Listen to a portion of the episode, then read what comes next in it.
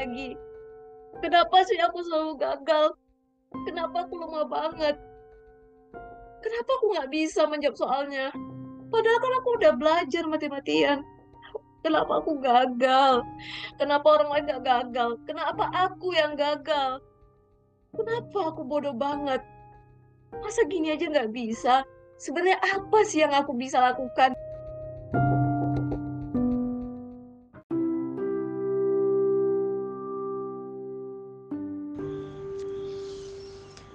Have you ever felt like your biggest enemy is yourself? Pernah nggak kalian ngerasa kalau musuh terbesar kalian itu dari kalian sendiri? Atau bilang, aku nggak bisa ngelakuin ini dengan benar. Aku tuh gagal terus. Aku nggak akan pernah bisa jadi yang lebih baik. Kenapa sih aku tuh bodoh banget? Nah, pernyataan itu gak asing banget kan dari telinga kita. Kira-kira gimana ya jadinya kalau setiap saat suara dalam pikiran kita itu malah menyalahkan atau menghakimi diri kita sendiri.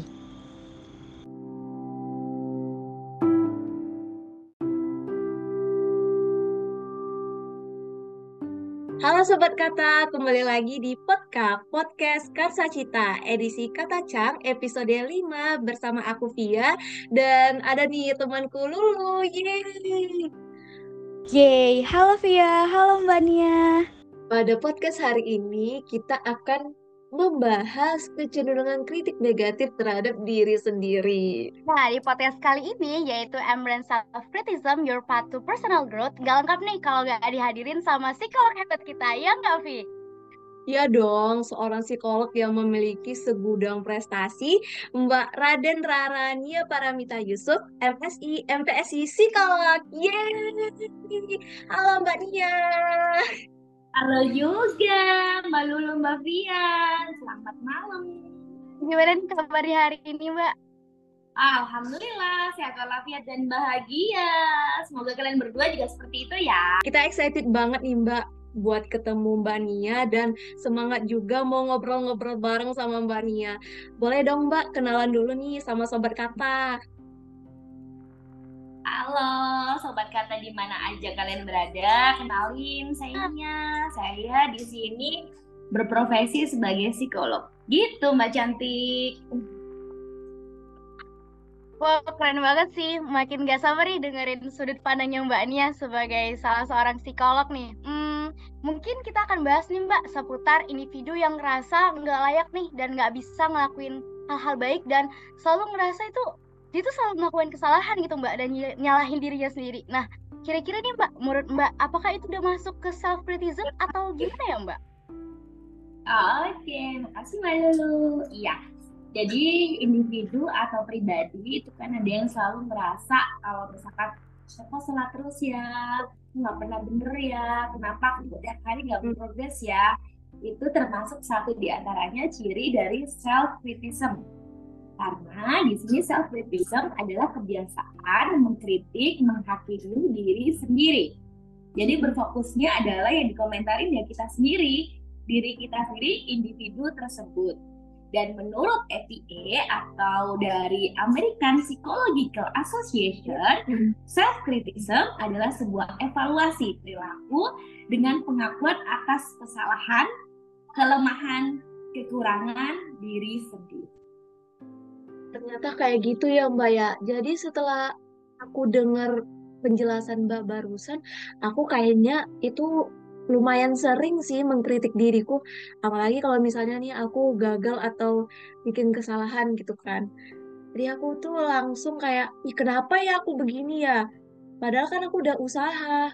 Dan kenapa aku kayak gini gitu. Cukup sering sih aku mengkritik diriku ternyata mengkritik diri sendiri itu gak bagus dan kenapa ya orang itu suka secara spontan mengkritik dirinya negatif kayak aku barusan ya emang misalnya kalau ada kesalahan itu spontan aja gitu. Bilang kalau misalnya kenapa begini kenapa begitu? Dan gimana nih supaya kita tahu kalau self criticism itu ada pada diri kita? Dan ada nggak sih efek yang ditimbulkan dari self criticism itu sendiri? Oke, uh, orang yang kebiasaan melakukan self criticism itu karena biasanya notabene teman-teman itu punya namanya kecenderungan dia perfeksionis kecenderungan yang semua perilakunya itu harus sempurna, perfecto gitu ya. Padahal kan tidak semudah itu Maria dan tidak semudah itu Ferguso untuk menjadi seorang yang sempurna gitu ya. Karena yeah. semuanya berproses ya. Ya, karena beberapa orang kalau misalkan pokoknya kalau aku ujian harus dapat 100. Kalau aku yeah, nanti betul, tampil betul, harus ikut yang terbaik. Kalau aku ikut lomba nanti aku harus juara satu. Nah, semakin kita nanti tidak sesuai dengan apa yang kita harapkan, dia nanti langsung akan mengkritiki diri sendiri. Oh, aku tidak lebih baik dari yang orang itu ya. Kenapa aku lebih buruk daripada orang-orang yang berkumpul di situ? Akhirnya nanti muncul dah sikap inferior, pikiran-pikiran bahwa diri tidak sama dengan yang lain, memunculkan akhirnya dia mengkritik. Kok bisa ya aku ini bodoh banget? Kok bisa ya aku ini gagal lagi? Kok bisa ya kemarin kan aku udah gagal kok gagal lagi gitu karena dirinya selalu membandingkan di luar dari kepalanya dia dari ujung kepala sampai ujung kaki jadi yang dia compare biasanya selalu mengompar dengan orang lain bukan mengkompar dirinya hari ini dan yang kemarin seperti apa Wah berarti ngaruh banget sih mbak ke diri kita Apalagi pas mbak sebutin perfeksionis. Nah itu aku banget sih mbak Dan pastinya efeknya tuh besar banget nih ke diri kita. Banyak banget perilaku buruk yang bakal ngerugiin diri kita sendiri kayak produktivitas kita jadi nurun kita juga sering insecure dan juga kita ngerasa diri kita tuh nggak pantas nih. Kira-kira nih mbak dari sudut pandang psikolog nih gimana ya mbak cara untuk menghindari dan berhenti untuk mikirin diri kita itu negatif mbak? Oke jadi gini Mbak Lulu, kalau misalkan kita ngerasa kita perfeksionis boleh, nggak apa-apa, halal kok. Siapa sih yang pengen nggak pengen dapat nilai 100 ya. Tapi kalau memang kita udah ada effort kita udah ikhtiar juga kita juga udah doa udah mati-matian nih ternyata ada Allah nih kita dapat B. Terus kita mau bilang apa? Masa kita mau bilang dosen? Dosennya pas ngeliat kali punya paling bagus kok dosennya nggak mau bilang aku A bisa jadi karena karya kita atau eh, apa pun yang kita kerjakan versinya si dosen itu masih ada lebih baik dari kita. Kan kita nggak pernah tahu nih. Kalau misalkan di luar sana ternyata karyanya teman kita lebih bagus karyanya lebih bagus dia bikin sebuah hasil karya apa pun itu yang dia bikin kok ternyata melebihi dari pikiran kita. Karena terkadang kita kan kalau punya insight kita udah ngerasa kita paling bener nih kita paling bagus nih padahal belum tentu pikirannya teman kita juga lebih buruk dari kita nggak bisa jadi ide kita kurang kreatif bisa jadi uh, teman kita lebih high tech lagi dan yang dia pikirkan mungkin lebih out of the box dibandingkan kita gitu. Jadi semakin kita mengkritiki diri kita sendiri, mohon maaf nih, si namanya insight tidak akan muncul. Tapi kalau semakin kita akan merecovery, baik sekarang saya dapat B plus atau saya dapat amin. Tetapi next insya Allah saya akan lebih baik lagi. Itu beda cerita. Si insight itu akan lebih muncul lagi dan pikiran-pikiran yang brilian, ide-ide yang cemerlang itu akan muncul. Tetapi kalau kita berfokus bahwa ini kok salah ya, kok bisa sih salah? Berarti kita fokus terhadap masalahnya ya, bukan terhadap problem solving. Itu semakin memperparah dan memperburuk. Fix nih, kita akan tidak akan lebih baik dari yang kemarin. Tetapi kalau hari ini ternyata karya ilmiah kita hasilnya nggak bagus, nggak dapat A, tapi kita tahu, oh karena ini ada kelemahannya di sini. Oke, besok akan saya up di area sini sehingga saya bisa mendapatkan nilai maksimal. Nah, insya Allah yang ke depannya kita akan lebih bagus. Ini pengalaman saya pribadi ya. Uh, saya dulu satu di antara orang yang selalu mendapatkan prestasi ya. Jadi dari kecil saya itu paling suka banget kalau dapat ranking gitu ya, masya Allah banget, mbak. Iya. Uh, tapi dulu itu selalu berharap saya dapat ranking satu dan ternyata kadarullah saya nggak pernah ranking satu gitu. Terus saya katakan sama orang tua saya, kenapa kok mentok-mentoknya itu saya ranking dua? Kenapa nggak pernah ranking satu? Apa yang terjadi dengan saya? Oh hmm. mungkin kalau saya dapat ranking satu mungkin nanti saya ngalahin ketua kelas dong. Biasanya paling pinter kan kalau pas SD kan ketua kelas ya. Oh iya, mungkin iya. sama Allah Mbak Rido kalau pemimpinnya perempuan harus leadernya laki-laki it's okay lah saya jadi wakil ketua kelas gitu nah terus dari situ saya berharap lagi oh, oh mungkin kalau ketua kelas tuh emang pinter banget kali ya kalau ujian matematika mesti dapat 10 ya mungkin nilai saya masih 9 gak apa-apa deh berarti saya harus uh, ngepush di area lain. Nah karena si ketua kelas kebanyakan anaknya adalah hanya menang di akademik aja dia nggak bagus di sosialisasi maka saya push di area yang lain. Sehingga pada saat kecil saya sejak TK sejak SD itu selalu mengambil area-area yang teman-teman itu nggak ngambil jadi contohnya kayak misalkan uh, jadi pembawa acara pas upacara, terus tampil baca puisi, kayak gitu tuh saya sering ambil di area-area situ. Jadi di saat teman-teman saya nggak mau uh, apa namanya angkat tangan, nggak mau bilang saya bisa, saya katakan uh, saya mau mencoba gitu. Pas ditanya sama gurunya, kamu bisa nih? Kan saya udah bilang bu, saya mau mencoba. Perkara bisa nggak bisa, saya coba dulu deh, pokoknya coba gitu. Jadi di saat teman-teman tanya, loh kalau ada lomba puisi kamu angkat tangan. Kalau ada lomba ini kamu angkat tangan. Emang tuh bisa? Ya kan lomba. Perkara nanti nggak bisa kan? Nanti gitu tangan belakangan deh dulu deh. Mm. ya kayak gitu. Jadinya uh, pas sejak kecil untuk area-area saya mengkritis diri saya sendiri itu lebih kecenderungannya minim sekali ya. Karena dari dulu itu selalu kalau misalkan ada apa pun itu kan saya sharing ya sama orang tua. Oh ma ini ada gini. Gimana? Ikut. Ikut. Coba aja nggak apa-apa uh, apa pun yang terjadi kamu tetap paling hebat versinya mau gitu. Jadi misalkan ada challenge dan saya kalah versinya orang tua saya tetap menang bagi mereka. Even itu saya nggak dapat juara ya tapi bagi mereka itu saya menang. Sayang ini remote kontrolnya ganti mamanya iya maaf ya. Ada bunyi mobil lewat. Itu saya main remote control. Gak apa-apa mbak jadi inspiring banget sih Mbak. Dan jadi reminder juga nih buat kita untuk jadi unik. Dan kita tuh harus bersikap baik gak sih Mbak ke diri kita sendiri di situasi di situasi sulit ataupun uh, saat kita tuh ngelakuin kesalahan. Karena kita tuh sadar kan kalau ngebuat kesalahan itu sebenarnya hal yang normal. Dan juga um, hal yang paling penting tuh gimana sih sebenarnya cara kita untuk ngeresponnya dan kesalahan itu sebenarnya nggak mendefinisikan sih siapa diri kita. Dan berarti kita tuh nggak perlu nih ngerasa nggak pantas atau ngatain diri kita kalau kita gagal. Dan kita tuh harus perlu selalu ngehargain proses dan juga selalu fresh untuk uh, mikirin jadi diri yang lebih baik lagi. Gitu ya mbak? Iya benar banget mbak. Jadi kalau misalkan suatu challenge terus kita nggak jadi uh, pemenangnya, nggak jadi championnya, itu nggak apa-apa kenapa ada lomba? Lomba itu yang dipilih paling cuma juara satu dua tiga, harapan satu dua tiga. Nggak mungkin lomba itu peserta 100 menang semua. Nggak ada bedanya dong. Nah, makanya kalau memang disiapkan hanya pialanya 6 pesertanya 100, berarti memang mesti ada yang menang versi versi orang tuanya, menang versi versi gurunya, menang versi versi uh, penunjukan dari teman-teman bestinya. Nggak apa-apa. Jadi uh, dari kecil tuh harus dibiasakan ya. Kayak misalkan anak saya itu kan juga uh, dua anak saya itu paling suka kalau disuruh ikut lomba ya. Terus saya katakan di depan, apa pun yang terjadi nanti, yang penting kamu udah coba versi mama kamu terbaik versi mama. Apa pun yang terjadi. Jadi dia kalau lomba itu ngerasanya ini main-main kok gitu. Jadi dia nggak pernah ngerasa kalau mamanya ngepus harus harus juara satu, harus nanti bawa piala. Enggak, jadi dia fun. Akhirnya apa yang terjadi pada saat lomba? Alhamdulillahnya anak-anak juara satu gitu karena dari rumah tuh nggak pernah ngepush dek ini kita mau ada tampil. Tampil apa mah baca doa. Doa apa mah pokoknya surat pendek. Ya udah pokoknya kamu uh, apal itu nanti dikeluarkan ya nak. Terus caranya ngomong gimana?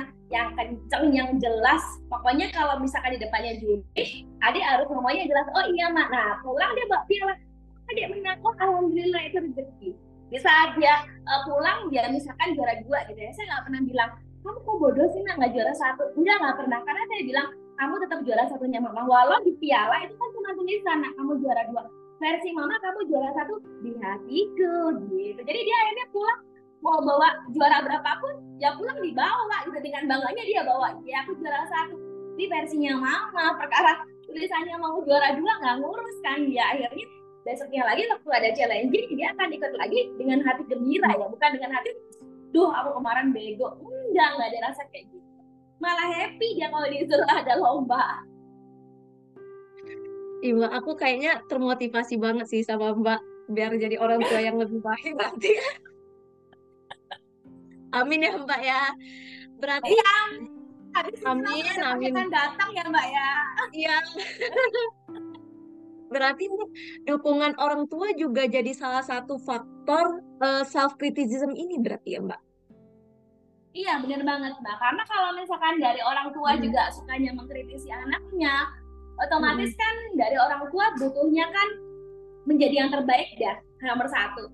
Siapa sih yang nggak pengen anaknya nomor Hmm. satu? Ya saya juga kepengen. Cuma kalau misalkan kita tahu di mana kapasitas anak kita itu lebih baik. Dibandingkan kita hanya push push push tapi kita nggak mau push di area lain. Karena semua anak itu kan nggak sama ya. Sehingga kalau misalkan Betul. kita merasa anak kita di sini minus ya kita bisa nge-push di area lain kan? Nggak harus kita push terus di area itu. Anak kita ini anaknya manusia ya. Bukan anaknya robot ya. Dia punya hati dan punya pikiran dan punya perasaan. Nah kalau misalkan kita nggak paham tentang perasaan dia kita hanya nge-push aja udah pulang sekolahnya lama terus tes pelajarannya banyak dan sebenarnya dia nggak butuh terus buat apa yang ada nanti pada saat di kelas kalau anak eh, SD itu siklusnya biasanya kelas 4. Nah, kelas 4 itu adalah kebosanan. Terjadi nanti dia burn out. Kalau di SMP biasanya di SMP kelas 2 atau kelas eh, 8 ya. Itu nanti bisa-bisa dia bosen. Kalau SMA juga sama di kelas 11 kayak gitu. Jadi di area-area itu area rawan. Kalau kuliah biasanya nanti protolnya itu kalau nggak semester 7, semester 6. Dia akan merasa, kayaknya nggak penting deh, aku kuliah udah cukup, nggak usah bikin karya ilmiah.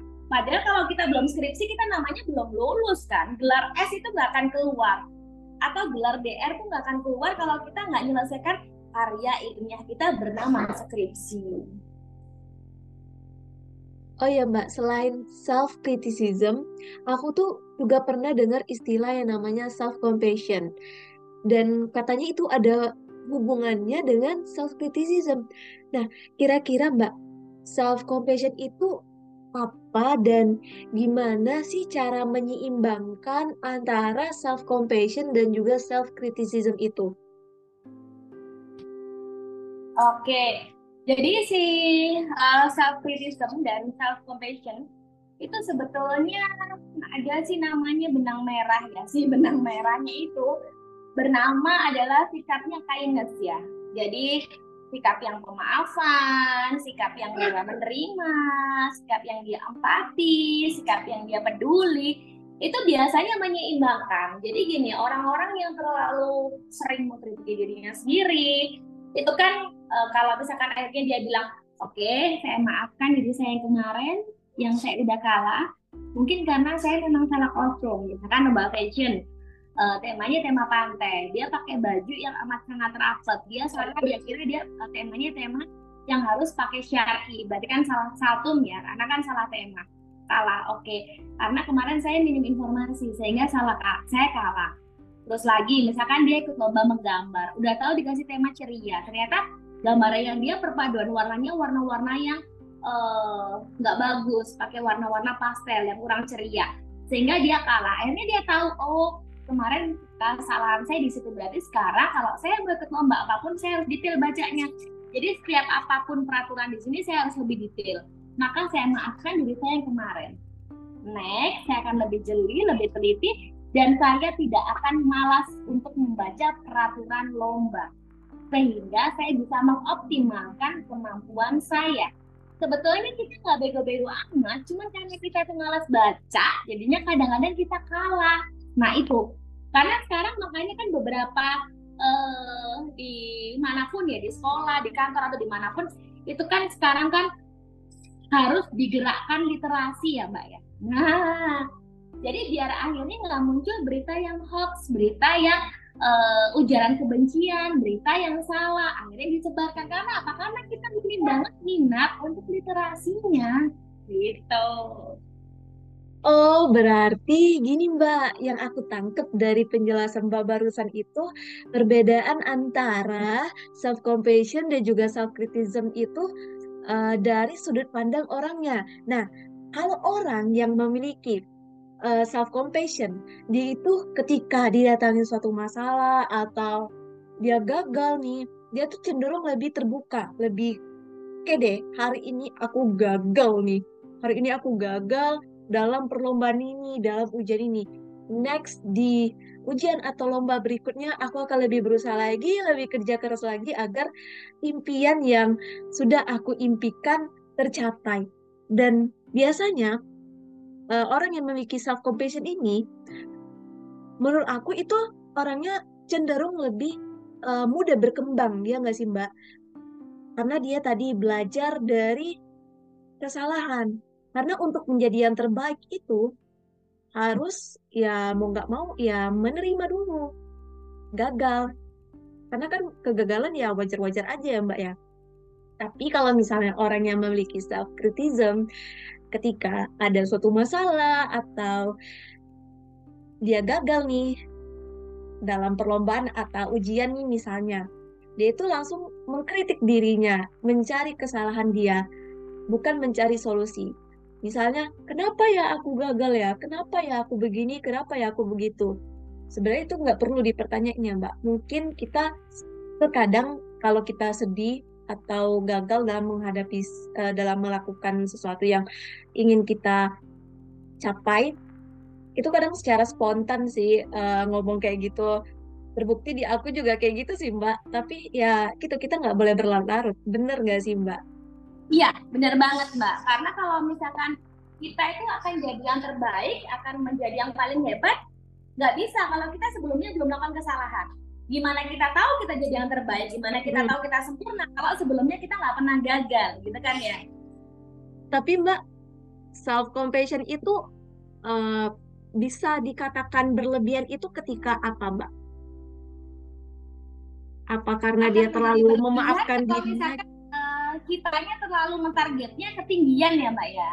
Hmm. jadi gini mbak orang posisi dia baik-baik aja secara psikologis itu kan posisinya di tengah ya. Kalau dia hmm. kekurangan sesuatu itu dia akan menjadikan gangguan atau abnormal.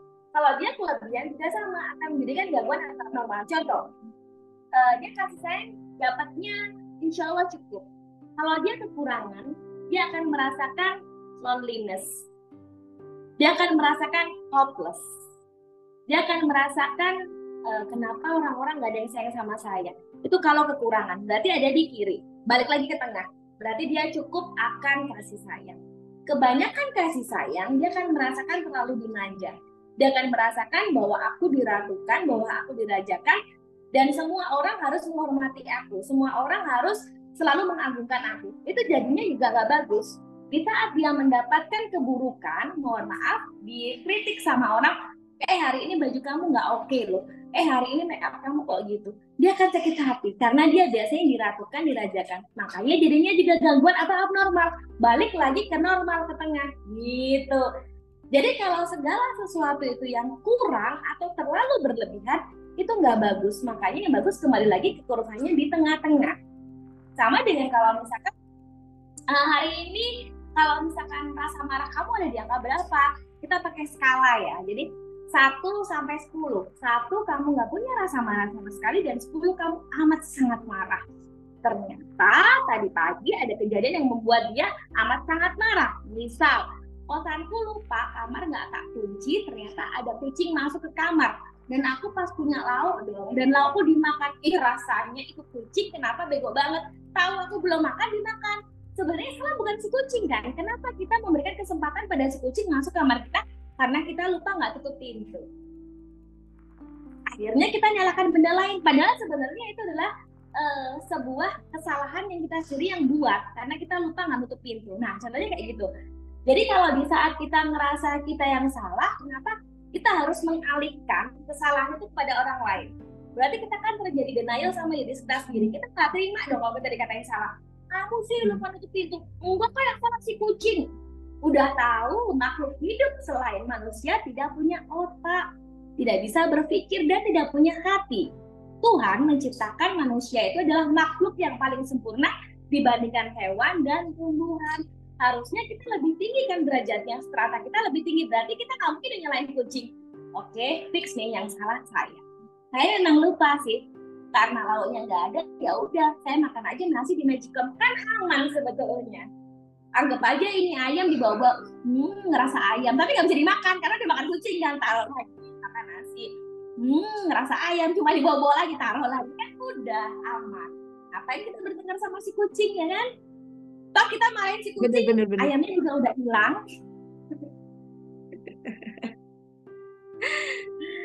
Nah, jadi kan Mbak, setelah penjelasan Mbak tadi nih kan, aku tuh um, kepikiran nih Mbak soal berarti kalau yang ribet itu sebenarnya pikiran kita dan respon kita nggak sih Mbak? Jadi efek Benar. dari self criticism ini tergantung dari cara kita untuk nanggapin masalah dan ketika kita nanggapin masalah itu dari sisi positif itu tuh kita dari self criticism itu bisa ngoreksi diri kita untuk jadi yang lebih baik tapi ketika kita nanggapin si self criticism ini dari sisi yang negatif kita akan jadi orang yang kayak rendah diri terus jadi orang yang nggak mau berkembang lagi karena udah ngerasa gagal duluan tapi kan mbak kira-kira nih untuk uh, sobat kata yang ngerasa udah rendah diri ngerasa udah di fase self criticism gimana sih langkah awalnya nih untuk keluar dari fase self criticism ini mbak Oke, jadi gini, uh, si self criticism ini akan semakin buruk apabila kita selalu salah dalam menanggapi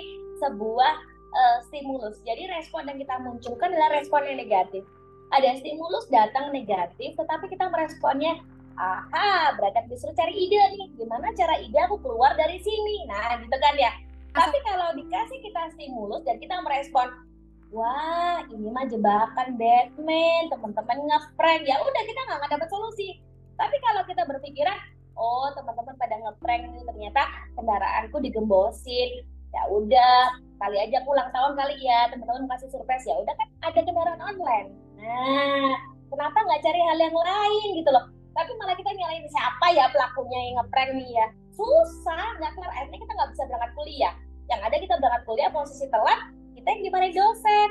Padahal kan teman-teman sebenarnya mau ngeprank itu karena kita misalnya milad, misalnya kita habis dapat suatu hal yang amazing banget, tapi karena kita menanggapinya negatif, akhirnya yang muncul adalah negatif. Jadi kalau sampai uh, kita menanggapi suatu respon yang sebenarnya negatif, tapi kita menanggapinya dengan suatu hal yang amazing, itu adalah fix kamu orang yang bisa uh, punya ide brilian banyak. Tetapi kalau sebuah respon yang negatif, kita namanya negatif, apa bedanya? Main ketemu main gitu kan ya? Tapi kalau main ketemu plus atau plus ketemu main itu kamu luar biasa. Uh, Masuk ya Mbak matematikanya. Wah. Keren banget. Selain psikologi di sini ya collab ya antara matematika dan psikolog gitu. Oke. okay. Mbak. Wah, keren banget sih Mbak penjelasan Mbak barusan. Jadi aku nih setelah dengar beberapa penjelasan dari Mbak barusan ya, aku tuh kayak punya insight baru dan aku bisa menarik kesimpulan kalau kita tuh jangan lah ya terlalu mengkritik diri kita terus-menerus. Bayangin aja kalau kita dikritik sama orang kan uh, sakit hati ya. Terus gimana nih? Kita sendiri loh yang mengkritik diri kita. Apa nggak kasihan gitu? Intinya janganlah ya terlalu berfokus dengan hal-hal negatif pada diri kita dan mungkin belajar untuk lebih menerima diri kita apa adanya. Nah, berarti sobat kata udah tahu nih penjelasan dari self criticism, ciri-cirinya, penyebab efek self criticism dan hubungan antara self compassion dan juga self criticism itu sendiri. Iya, yeah, bener banget sih, Vi. Dan gak terasa ya Sobat Kata dan Mbak Nia ini udah nemenin kita buat sharing-sharing tentang self-criticism. Makasih banyak ya Mbak Nia udah sharing nih ke Sobat Kata. Semoga bermanfaat semua Sobat Kata. Tapi Mbak, sebelum itu aku tuh mau nanya nih Mbak soal pengen banget nih denger pesan Mbak nih untuk orang yang suka self-criticism nih Mbak. Kira-kira ada nggak ya? Oke, pesan saya buat sekarang teman sobat kata yang masih melakukan self criticism, ingat, nobody is perfect. Ingat bahwa kebahagiaan wow. orang lain bukan tanggung jawabmu. Ingat, kamu hidup bukan untuk menyenangkan orang banyak. So, kamu jalani let the flow aja kalau misalkan di depan kamu ada rintangan ada halangan ya kita hadapinya sesuai dengan kapasitas kita kalau kita ngerasa nggak mampu ya kita katakan maaf ya kayaknya saya nggak bisa jadi agar kita itu tahu oke okay, kapan saatnya saya bilang nggak bisa kapan saya bisa? Jangan kita nge-push terus diri kita karena diri kita kan juga butuh dicintainya. Ya tak ada seorang pun yang cinta sama kita selain kita sendiri. Tak ada yang mau sayang sama kita selain kita sendiri. Sayangi dirimu keluarkan apa potensimu maka kamu akan menjadi manusia yang berdaya dan bertumbuh. Oh my god, jadi biunik ya Mbak. Dan keren banget gak sih segmen hari ini? Oh my god. Keren banget loh. Apalagi itu yang berkaitan dengan pemikiran ya, pembahas. Tapi um, sebelum berakhir, aku ada satu quotes nih kayak Mbak Nia juga. Mbak Nia tadi kan bilang nobody is perfect. Nah, kira-kira penasaran gak nih apa quotes dari aku? penasaran lah iya kan mbak penasaran kan teman-teman sobat kata mungkin juga penasaran mm -mm. oke okay. Jadi mungkin kalau dari aku nih jadi perwakilan dari Karsa Cita mau bilang nih ke teman-teman sobat kata kalau kritik pada diri sendiri itu hanyalah awan yang lewat tapi kasih sayang pada diri sendiri adalah langit yang tepat tetap ada. Oh my god, sampai tahu. nih bahasa Indonesia ini dapat status nih iya mas Oke, sampai jumpa di segmen selanjutnya. See you sobat kata. See you. Bye bye. Makasih semuanya.